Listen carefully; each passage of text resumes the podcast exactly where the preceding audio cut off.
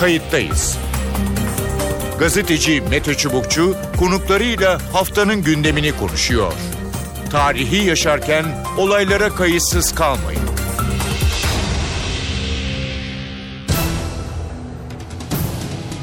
İyi günler bir kayıttayız programıyla daha karşınızdayız. Tarihe ışık tutmak, olan biteni anlamak için önümüzdeki yarım saat sizlerle birlikte olacağız. Ben Mete Çubukçu. Muhammed Boazizi adlı genç Aralık 2010'da kendini yaktığında Arap ülkeleri için bir değişimin kıvılcımı ateşlenmişti. Tunuslu seyyar satıcının bu ses getirici eylemi Kuzey Afrika'da Arap Baharı ya da Arap ayaklanması denilen kitlesel olayların fitilini ateşledi. İşsizlik, enflasyon, kötü yaşam koşulları, gelir dağılımındaki adaletsizliğe tepki gösteren Arap halkları gösterilerle var olan düzeni değiştirmeye çalıştı, sarstı. Kimi ülkelerde başarılı olundu, kimi ülkelerde bu eylemler sonuç vermedi. Tunus'ta 200'den fazla insan öldü. Cumhurbaşkanı ülkeyi terk etmek zorunda kaldı. Arap Baharı'nda görece belini doğrultan tek ülke de Tunus oldu şimdiye kadar. Libya'da Muammer Kaddafi öldürüldü. 30 bin kişi çıkan olaylarda hayatını kaybetti. Mısır'da devlet yönetimi değişti. Junta yönetime el koydu. Suriye komşumuz 2011'de başlayan gösteriler iç savaşa dönüştü. 400 bine yakın kişinin hayatını kaybettiği söylenmekte. Barış halen temin edilmiştir. Kayıttayız da bu hafta Arap ayaklanmaları ya da Arap baharını konuşacağız. Gerçekten bir bahardan söz edilebilir mi? Yoksa ayaklanmalar Kuzey Afrika'daki ülkeler için uzun sürecek bir kışı beraberinde mi getirdi? İki konuğumuz olacak. Kayıttayız'ın konuğu doçent Veysel Ayhan. Veysel Ayhan hoş geldiniz programımıza. Hoş bulduk, iyi yayınlar diliyorum. Evet e, aradan 5 e, yıl e, geçti. E, gerçekten e, bütün dünyayı e, ve özellikle bölgemizi e, sarsan e, Arap ayaklanmaları e, dediğimiz e, sürecin 5. yılı tamamlandı. Belki çok genel olacak ama 5. yılda e, neredeyiz? Arap ayaklanmaları nerede? Tabii Arap Baharı'na baktığımız vakit ilk önce bir anlamda isyandı. Hı hı. Bütün sistemin unsurlarına isyandı. Ekonomik anlamda, siyasi anlamda, idari anlamda, yönetimsel anlamda ve rejim anlamında bir toplumsal isyan hareketi ortaya çıktı. Ve zaman içerisinde bu isyan hareketi belli örgütsel grupların daha böyle liderliği ele aldığı ve aslında devrimin kendi içerisinde bir karşı devrim süreçleri yaşadığı dönemler oldu. Hı hı. Sonra belli ülkelerde bu karşıt devrimler askeri silahlı e, muhalefet hareketleri tarafından yönetilmeye başlandı ve e, bugün geldiğimiz noktada iç savaşlar ve bu iç savaşların da ötesinde rejim tartışmaları, bu rejim tartışmalarının dışında uluslararası ve bölgesel küresel güçlerin müdahale ettiği alanların olduğu bir yapı. Dolayısıyla biz esasında Arap Baharı'nı tartışırken şunu söyleyebiliyoruz. Hı hı. Ee, yeni sistemler e, kurulacak ve bu yeni sistem e, yalnızca Orta Doğu ilgilendiren bir şekilde olmayacak.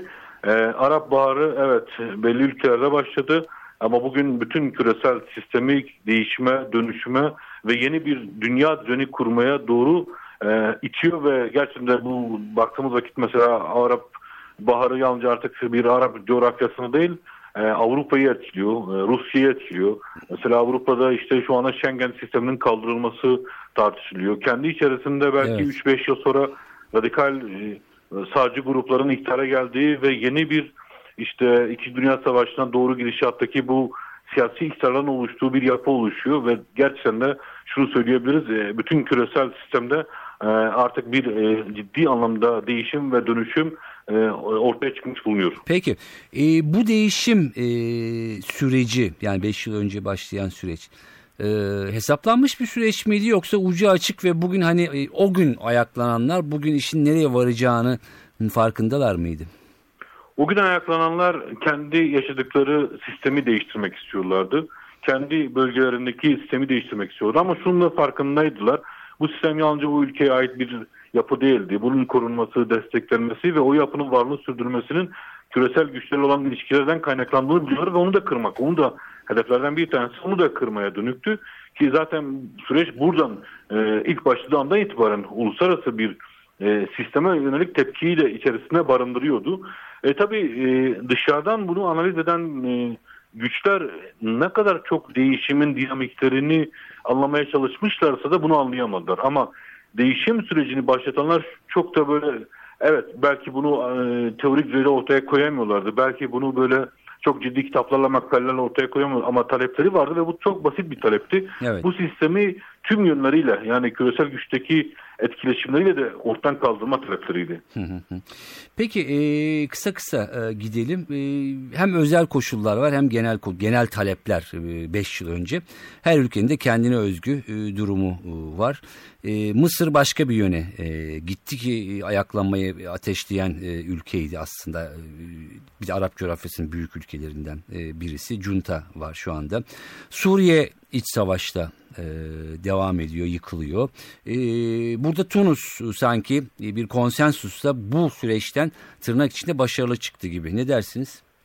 Tabii şurada Mısır'daki süreç e, belli ölçüde durduruldu gibi. Yani Hı. ama bu süreç tamamlandı anlamına gelmiyor. Hı hı. Bir darbeyle ve destekle durduruldu şu anda ama hani bir toplumsal istikrar kazanmış değil. Evet. Ee, Suriye'ye baktığımız vakit evet ülke tamamen bir iç savaşın içerisine sürüklendi ve iç savaşta bir toplumlar arası iç savaş olarak şu anda cereyan ediyor ki dışarıdan birçok e, girişlerde bu savaşa oluyor. E, şunu söylememiz gerekir bu ülkelerdeki ortaya çıkacak olan yapılar tüm bölgeyi etkileyecek çünkü tarihsel olarak e, coğrafik olarak ve medeniyet yapısı olarak bunlar tüm Arap coğrafyasını etkileyen aktörlerdir. Evet, evet. E, Tunus biraz da aradan mı sıyrıldı? Yani bir takım Yok, uzlaşmalarla. Tunus, Tunus belli ölçülerde yani bu yaşanan süreci kendini sıyırmaya çalışıyor. Yani bunu belli ölçülerde çatışmasız götürmeye evet. çalışıyor. Ama sistemini tam da oturtmuş değil. Yani bu gerçekleşen seçimler, onun içerisinde e, karşı birçok gösteri meydana geliyor. Bazen gösteri müdahaleler meydana geliyor. Yani Tunus belli ölçüde bunun çatışmasız nasıl çözebileceği noktasında yer alıyor.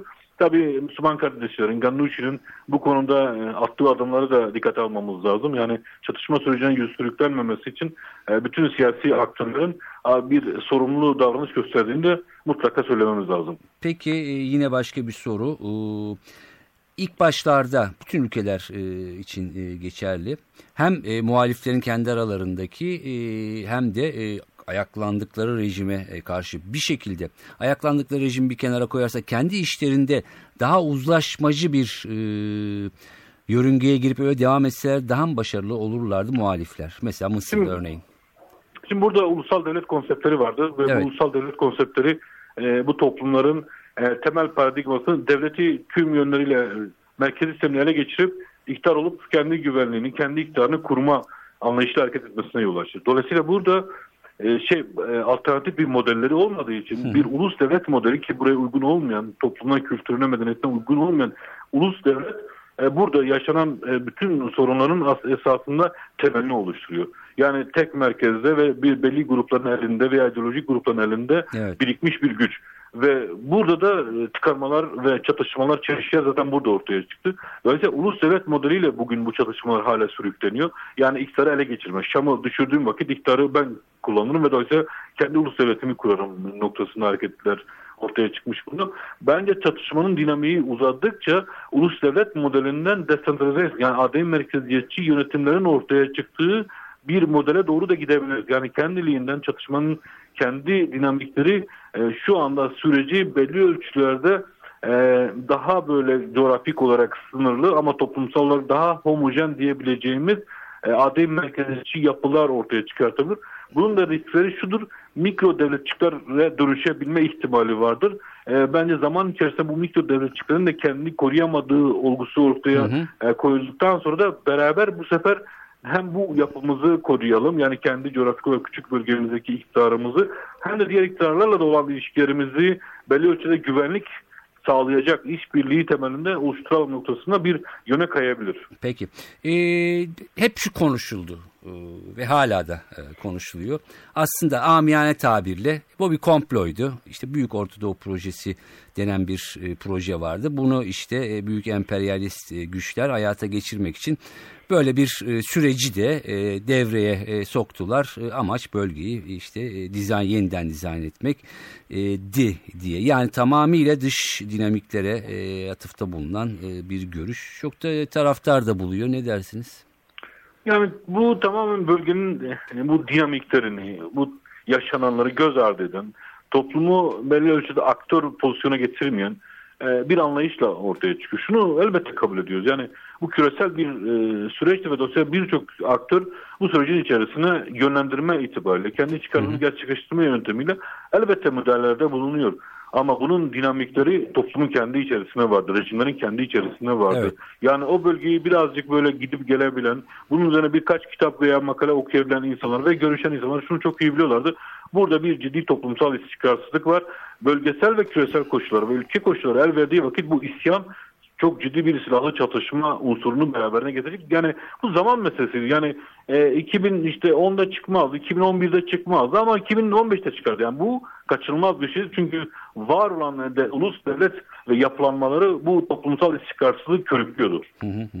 E, peki bu süreçte e, şöyle bir yapı yani Orta Doğu'da sadece e, dini dinamiklerle, mezhebi dinamiklerle, parti dinamikleriyle ya da seküler dinamikle e, süreçler gidebilir mi? Yani bunlar tek tek yoksa bunların bir e, e, ne derler e, kar, karışım mı gerekiyor? Şimdi bir şu tespitte bulmak lazım. Burada kimlikler var. Evet. Ve bu kimlikler bugün oluşmuş kimliklerdir. Tarih yüzyıllar boyunca e, harmanlanmış ve oluşmuş kimliklerdir. Dolayısıyla bu kimlikleri yok eden bir siyasi yapı inşa edemezsiniz. Hı hı. Ama bu kimlikleri kendi içerisinde barındıran ve bu kimliklerin kendisini koruyabileceği, geliştirebileceği ortamlar sağlayan modeller geliştirmeniz gerekir. Dolayısıyla bu kimlikler var olacak, var olmaya devam edecek ama bu kimlikler tek başına da bir bölgede bir bölgede varlığını koruyamaz. Evet. O yüzden de bu kimlikleri içerisinde barındıran model belki de imparatorluk modelleri bu yüzden uzun dönemli oldu bölgede. Hı hı. Yani tarih boyunca bakarsanız 1946'lara kadar bölge bir imparatorluk geleneğine sahip. Yani Osmanlı öncesi, Emevi öncesi, Abbasi öncesi, hı hı. E, hatta sonrası bir Dünya Savaşı'nda da İngiliz ve Fransız e, imparatorluklarının e, şeylerini görüyoruz, yönetim anlayışlarını görüyoruz bölgeden. Dolayısıyla büyük bir çatı kurmak lazım. Bu büyük çatı içerisinde de bütün o kimliklerin varlığını koruyabileceğini, özgürlüğünü belli ölçüde koruyabileceği bir anlayış hareket etmek lazım ki o belki e, e, şehir merkezli e, yönetimler olabilir. E, hatta daha da, da alt düzeyde e, mahalli düzeyde bir e, e, özellik vermeniz gerekir ki bu kimlikler diğerleriyle birlikte varlıklarını koruyacak bir anlayışla, bir idari yapıyla e, barış içerisinde yaşayabilsinler. Peki e, çok kısa olarak e, bundan sonraki süreçle ilgili e, tabii ki Arap ayaklanmaları e, bağlamında neler söylersiniz son soru olsun. Yani bu süreç e ciddi anlamda e, birçok bölgede çatışma unsurunun derinleşmesini beraberine getirecek. E, Arap Baharı artık bir e, küresel e, isyan ve düzen talebini beraberine getirecek. E, en büyük endişe ve kaygı özellikle Avrupa'da radikal sağ grupların yeni bir Hitler ve Mussolini çıkartabilme durumunun ortaya çıkması ki o zaman gerçekten çok daha büyük kanlı bir süreçle karşı karşıya kalabiliriz. Peki. Doçent Veysel Ayhan e, çok teşekkür ediyoruz programımıza kayıttayız'a katıldığınız ve sorularımızı yanıtladığınız için. Ben teşekkür ederim. İyi yayınlar diliyorum Sağ sizlere. Olun, Sağ olun. Kayıttayız'ın konuğu doçent Ahmet Uysal. Ahmet Bey hoş geldiniz programımıza. Hoş bulduk, iyi yayınlar. Çok teşekkürler. Beşinci yılında Arap ayaklanmaları, Arap Baharı ya da Arap devrimlerini e, ele e, alıyoruz. E, hemen ilk soru şu olacak. Beşinci yılda bölge nerede ya da ayaklanmalar nerede? Tabii Arap Baharı aslında bir bahar mı değil mi o tartışılır ama isim o tabii daha çok mecaz anlamda metafor olarak kullanılıyor. Evet. Ama bir bence bahar talebi devam ediyor. Bahar gelecek. Bir e, son bir e, soğuk kışa çattı. Bir ayaza e, döndü bir anda. Hani hı hı. Mart 9'u benzetmesi yapılır halk arasında. Böyle baharı beklerken evet. Mart 9'u e, büyük bir soğukta kazma kürek yaktırır derler. Böyle oldu biraz ama e, bölgenin sorunları devam etti. İşte Arap Baharı'na yol açan sorunlar yani yoksulluk, baskı, adalet e, eksikliği, iyi Hı-hı. yönetim yani bir sürü hepsi birbirine bağlantılı. Evet. İşsizlik işte bugün e, örneğin e, Suriyeliler şeye kaçıyor ama ondan önce de vardı e, Akdeniz'den e, işte geçmeye çalışanlar Avrupa'ya, evet. Tunus'tan, Afrika'dan işte birçok şeyler. Ya bu süreç eskiden beri vardı. Şimdi biraz tabii daha vahim bir hale geldi ama bu istekler olduğu sürece Arap Baharı 5 yılda geçse, 15 yılda geçse bir şekilde adalet talebi ve isteği devam edecek ve bu dinamizm bence hemen e, öldü diyemeyiz. Yani hemen kışla beraber e, Arap Baharı'nı gömmeyelim, yani mevta evet. ilan etmeyelim. E, inşallah e, hayırlısı olur bakalım. Hı hı.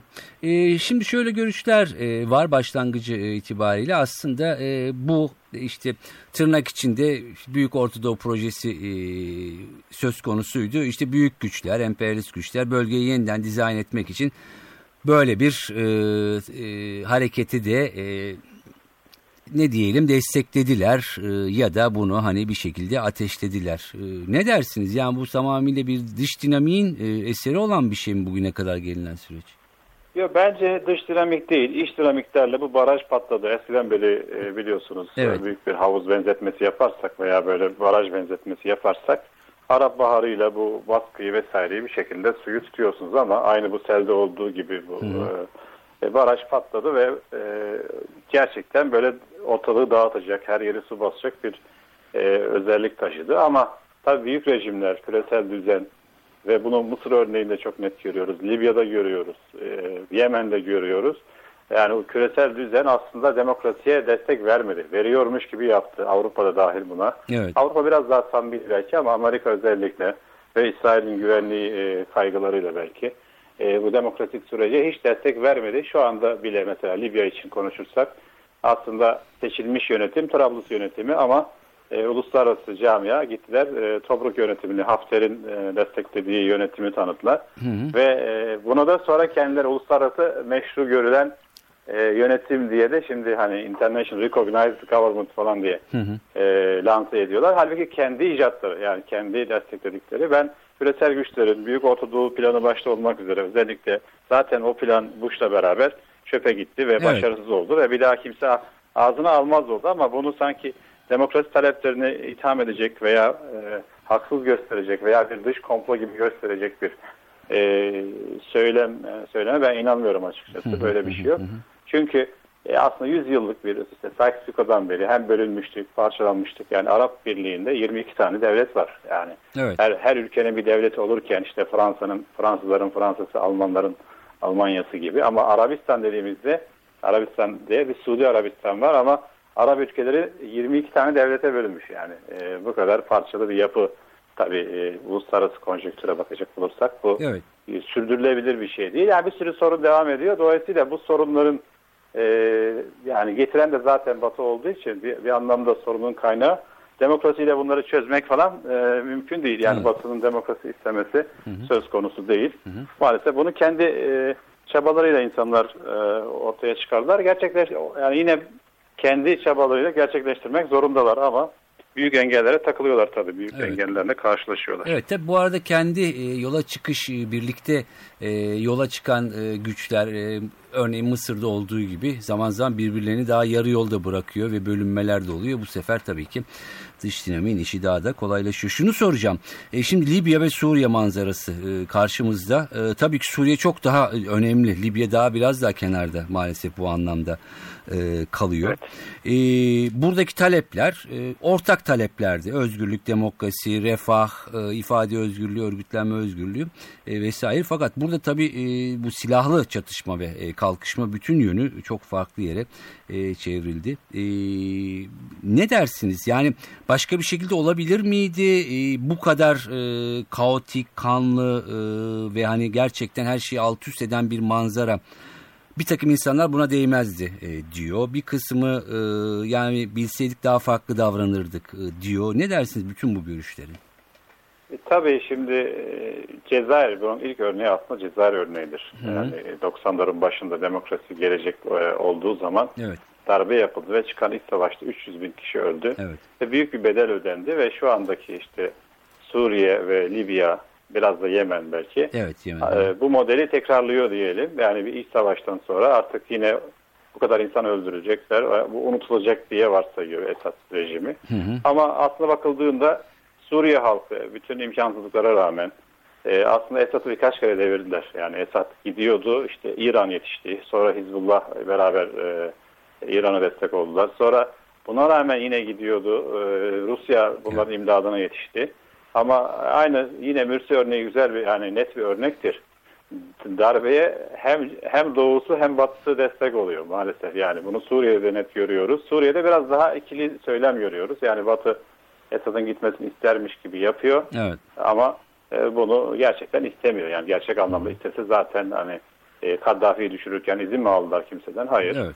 E, yani Esad'ı da aynı şekilde düşürebilirlerdi ki Kaddafi'yi düşürmelerine rağmen yine darbeye destek oldular. Yani bu konuda e, belki Libya bir istisna teşkil ediyor ama Libya'da da yine şu anda e, Kaddafi'nin adamları büyük ölçüde yine Hafter'in e, ve bu darbecilerin yanında veya Tobruk hükümetinin yanında.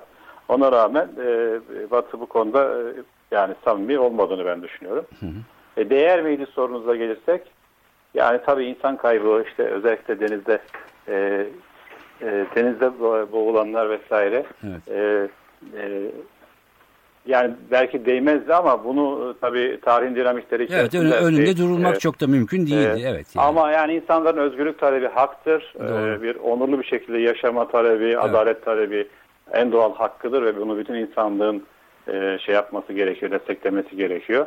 Burada tabii yani kimse İran'ın bu kadar asılacağını öngörmedi. Evet. Rusya'nın son dakikada kendi savaşıymış gibi gireceğini daha önce biliyorsun Esad'a bayağı bir mesafe koydu, karşılamadı. Hı. İşte askerlerini geri çekiyordu falan ama jeopolitik birden değişti ve Rusya sanki şu anda İran'dan da fazla şeyi Esad rejimini e, koruyacak. Hatta Esad rejimi de belki kenara itecek bir yapıda yani sanki Hı. Evet. Rus işgali gibi de bir durum söz konusu oldu, sayılabilir. E, bunları tabii öngörmek, bunlar tabii dinamik e, süreçler. Kendi içinde başka hesapları da birbirine e, karıştıran süreçler. Hani bugünden bakımda değer miydi? O bizim kararımız değil zaten. Doğru. Suriye halkının kararı. Tabii ki. Tabii ki. onda çok bir şey söyleyemeyiz. Evet, tarih zaten bize gösterecek. Tabii şöyle komplikasyonlar da çıktı. Mesela Mısır darbesinde, cuntasında evet hani Batılılar vardı ama Suudi Arabistan'da işte Müslüman kardeşleri gerekçe göstererek cuntaya destek verdi. Fakat şeyde e, Suriye'de rejime karşı şey yapıyor, e, çatışıyor e, ya da çatışan grupları e, destekliyor. E, sonuçta bölgesel güçler de bir şekilde bu e, ayaklanma sırasında kendi e, ne derler pozisyonlarını da farklı şekilde e, aldılar. Ne dersiniz peki 5. yıl e, dedik e, ne bekliyor e, önümüzdeki dönemde bölgeyi? Beşinci yılda bence burada özellikle İran'ın e, önünü çektiği ve Suud'un da kısmen destek verdiği bir mezhepsel bir kamplaşma söz konusu ve bu çok yıkıcı. Yani hı hı. bu Müslüman halklar, Arap halkları başta olmak üzere bir özgürlük, demokrasi talebi yaparken kendileriyle boğuşma lüksü yok. Yani hı hı. burada Şii de olsa, Bahreyn'de de olsa, Mısır'da da olsa yani Irak'ta da olsa Şiiler demokrasi istediğinde, hak, adalet, özgürlük istediğinde destek olmamız lazım veya ben şahsen öyle düşünüyorum. Hı hı. Bu diğer ülkeler Suriye olsa da aynı şekilde bir hak, adalet talebi e, olması ve bunu desteklenmesi lazım. Çünkü e, demokrasiyle toplumlar ilerliyor. Diktatörlüklerle veya işte böyle e, başıboş e, krallıklarla veya keyfi krallıklarla da ülkeler ileri gidemiyor. Petrolü olsa da yani şu anda Körfez ülkelerinin ciddi petrolü var, ciddi gelirleri var ama gidip bunu silaha yatırıyorlar. Silah lobisini destekliyorlar veya işte başka dengesizlikleri, darbeyi destekliyorlar. Hı hı. Yani Sisi'ye milyarlarca dolar verdiler ve Mısır bir fil gibi o dolarları yutuyor ve halka bir şey yansıtıyor. Evet. Yani 5. yılda bu taleplerin devam ettiği, bu dinamiklerin devam ettiği ölçüde 5. E, yılda bu mezhep çatışmasından da kaçarak bunu bence bu tuzağa özellikle İran e, düşürdü şeyi bence e, halkları Suriye'de olsun, Irak'ta olsun. Doçent Ahmet Ürsal, e, Ahmet Bey çok teşekkür ediyorum programımıza katıldığınız, sorularımızı yanıtladığınız ben için. Ben teşekkür ederim, iyi yayınlar. Sağ olun. Evet yorumlar 5. yılda böyle Arap ayaklanmaları çok farklı taleplerle çıktı. Çok insani taleplerle çıktı. Bunun çıkması da önemliydi. Hala bu önemini korumakta. Ama bütün bölgeyi belki bütün küresel sistemi Avrupa'da dahil olmak üzere etkiledi ve bundan sonra da etkileyecek gibi görünüyor. Belli ki bu konuyu daha çok da konuşacağız. Evet program vesilesiyle 5. yılında Arap ayaklanmaları ben de bunu fırsat bilerek e, yıkılsın bu düzen yazarı ben Mete Çubukçu 5 yıl önce özellikle Mısır ve Suriye'ye odaklanarak bütün bu süreci ele aldığım bir kitap yazmıştım. Meraklısına tavsiye e, buradan edeyim. E, biraz reklam gibi oldu ama olsun. O iletişim yayınlarından Yıkılsın Bu Düzen adlı Arap Ayaklanmaları ve Sonrası e, adlı kitabı buradan herkese tavsiye ederim. Ben Mete Çubukçu. Kayıttayız'dan bu haftalık bu kadar editörümüz Sevan Kazancı ile birlikte önümüzdeki haftalarda başka konularda yeniden buluşmak üzere. Hoşçakalın. Kayıttayız. Gazeteci Mete Çubukçu konuklarıyla haftanın gündemini konuşuyor. Tarihi yaşarken olaylara kayıtsız kalmayın.